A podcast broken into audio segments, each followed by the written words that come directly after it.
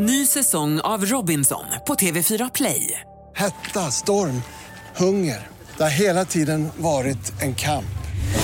Nu är det blod och tårar. Fan händer just nu. Det. Detta är inte okej. Robinson 2024, nu fucking kör vi! Streama söndag på TV4 Play. Podplay.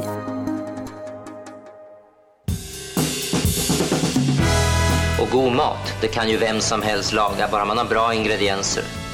Och så smör förstås. Då rullar Recept Direkt igång här, Victoria. Det gör Recept Direkt rullar igång. Och det är tisdag. Det är tisdag. Ja, hur mår du? Jag mår bra. Jag tycker tisdag är faktiskt en av mina bättre dagar. Det är lite, det är något, något glatt över tisdagen. Som, inte, som inte är över Som måndagen. inte är över, över måndagen. Exakt. Ja, Och sen onsdagen då, då börjar det bli så här, ah, veckan, halva veckan har redan gått. Det blir lite stressigt igen. du börjar bli stressad över dina timmar och känner att de Ja. håller på att rinna iväg från dig kanske. Exakt Ja. så. Men du, jag har lite följetong här. Ja. Du minns ju, igår Mm. hade jag ju inte sovit, men Nej. nu pigg igen. Men eh, en av grejerna som jag då gjorde under min långa, långa natt eh, när jag inte sov var att jag fastnade i ett rabbit hole av min egen kamerarulle Ja. och tittade på bilder från i våras när jag och min bästa vän var på en tågresa genom Italien. Otroligt där mysigt ett av stoppen var Rom. Mm. Och var första gången jag var i Rom. Och jag, jag minns, jag satt på tåget och jag bara så här, okej, nu ska jag kliva av i den här eviga staden. Jag bara, Ja. hur ska jag ens ta in det liksom? Ja. Men vi hanterade det genom att gå till närmsta romerska gränd, äh, beställa en cacio pepe och eh, espresso martini. Klockan var väl så 23.30 typ. Ah, och vi satt Gud där och bara, mysigt. allting var förlåtet för vi satt i en Ah. romersk gränd. Alltså det spelade Ah. ingen roll om man så här, eh, killen man var kär i inte var kär i en tillbaka. Nej. Det spelar ingen roll. För så här, du sitter där och allt är lugnt för att du äter den här gudomliga maten och Mm. i den här otroliga miljön. Mm. Alltså- det känns ju som att man är i en Disney-film. Nej, men alltid. nästa- Överallt, vart man än vänder sig. Mm. Ehm, har du varit i Rom?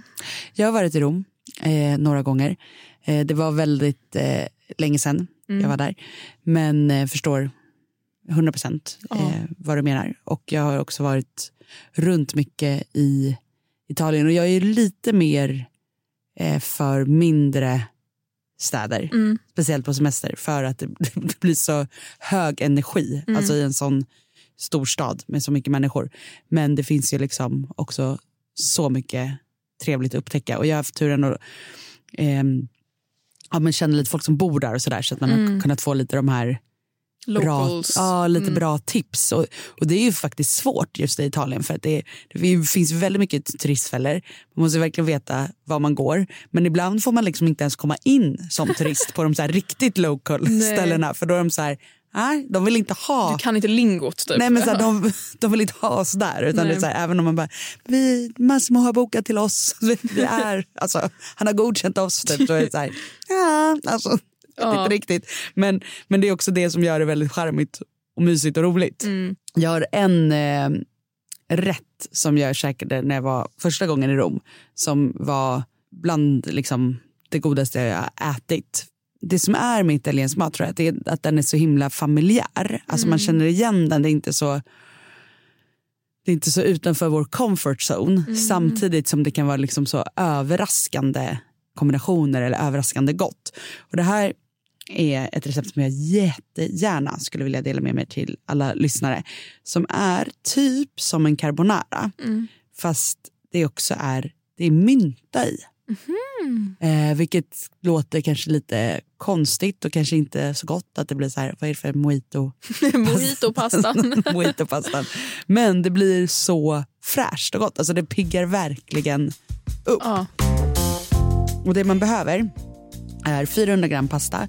Eh, man kan ta vilken man vill, men typ eh, penne fick jag då första gången jag åt det. Men jag har också gjort det med tagliatelle som jag tycker är väldigt gott. Och sen så behöver man 150 gram pancetta. Och så behöver man då färsk mynta, typ 10 stjälkar. 2,5 deciliter frysta ärtor.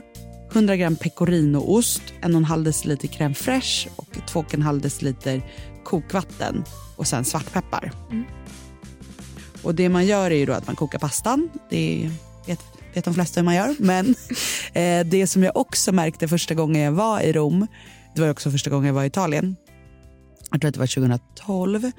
Eh, var att så här, jaha, det är så här de menar med al dente. Att jag liksom aldrig... Jag hade aldrig fått så mycket liksom kärna, eller vad man ska säga. Den var riktigt kärnig. Alltså. Alltså, men inte kärna, men, men just att det så här, verkligen är ett tuggmotstånd. Att det är så här, det, jag tror, alltså nu är det här också då länge sen nu, så att jag tror att vi har blivit bättre de senaste åren i Sverige också på att äta, liksom, ja, laga bättre pasta. Men mycket salt i vattnet och sen våga ta den lite, lite, lite tidigare än vad du tror eftersom det också eftergår Exakt, det blir lite grann. mjukare när man Ja, väl har hällt av Så den att också. hellre att man tar en pyttelite för tidigt. För det är någonting härligt med att det liksom är lite tuggmotstånd i. Mm. Och steker vi eh, pancettan knaprig i en stor stekpanna och så låter rinna av lite grann. Sen finhackar de här myntabladen, tar fram ärtorna från frysen och så river osten. Och sen så lägger vi då tillbaka baconet i pannan igen, häller på crème fraîche och så tar vi lite då kokvatten från pastan. Och anledningen till att man tar kokvatten det är då för att när man kokar pasta så släpper det stärkelse och stärkelsen blir då som lite redning. Så det är lite trevligt plus att det vattnet är ju då saltat och, och klart så att det smakar också bra. Och sen eh, rör vi i då ärtorna och myntan och då kan man liksom låta ärtorna eh, tina i själva såsen direkt. Och sen när pastan är klar, häller av den och sen direkt ner i pannan där baconet, ärtorna och allting är. och på med pecorinoosten. Och just där man blandar i, i pannan istället för som i alla fall, kanske inte, återigen, kanske man inte gör det längre, men typ som när jag var liten då var det alltid så att man fick Pasta, pasta- sås. Ja, precis. Att såsen var vid sidan och så skulle man sleva på. Liksom. Men det blir ju mycket godare när man blandar ihop allting i pannan. Och även det om man gör liksom en vanlig spagetti köttfärssås. Alltså hellre att ni tar en stor panna och blandar ihop. Men man behöver inte blanda med all köttfärssås. Utan man kan blanda med liksom några deciliter bara så att så här, spagettin inte klipper ihop. Och sen kan man också ha köttfärssås liksom extra on top på sidan Ja. det blir väldigt trevligt för då blir den inte så där torr och tråkig, pastan. Ja, sen på med jättemycket svartpeppar. Sen är den klar. Otroligt Det fräscht helt gott fantastiskt. och liksom väldigt, väldigt snabbt att göra. Mm. Det, jag känner alltid när man ska förklara ett recept så här muntligen att, man så här, att det låter kanske lite krångligare än vad det är. Men det man ska göra är ju egentligen, du ska koka pasta. Sen ska du blanda ihop crème fraîche, lite kokvatten, ärtor, steka lite pancetta. Det är typ de momenten. Sen är det klart. Kan man göra den utan pancettan också? Eh, ja, då har ju vi ett härligt avsnitt som är pastatopping som inte är ost, tänkte säga. Men det heter det avsnittet. Men, men där går vi igenom lite olika toppings till pasta. Eh, som eh, om man då till exempel inte, alltså är vegan eller någonting. Men bästa baconersättningen som jag tycker är ju då att du tar potatis Just det. skivar i små kuber, steker jättemycket olja med salt, har på lite, om man då vill ha lite extra liksom baconsmak, då tar du på lite rökt paprikapulver. Så att du har liksom krispig, krispig små, små potatisbitar. Det funkar kanon. Men den ska man ju då inte låta vara i såsen utan då ta på den, toppa med så att den är krispigt och härligt.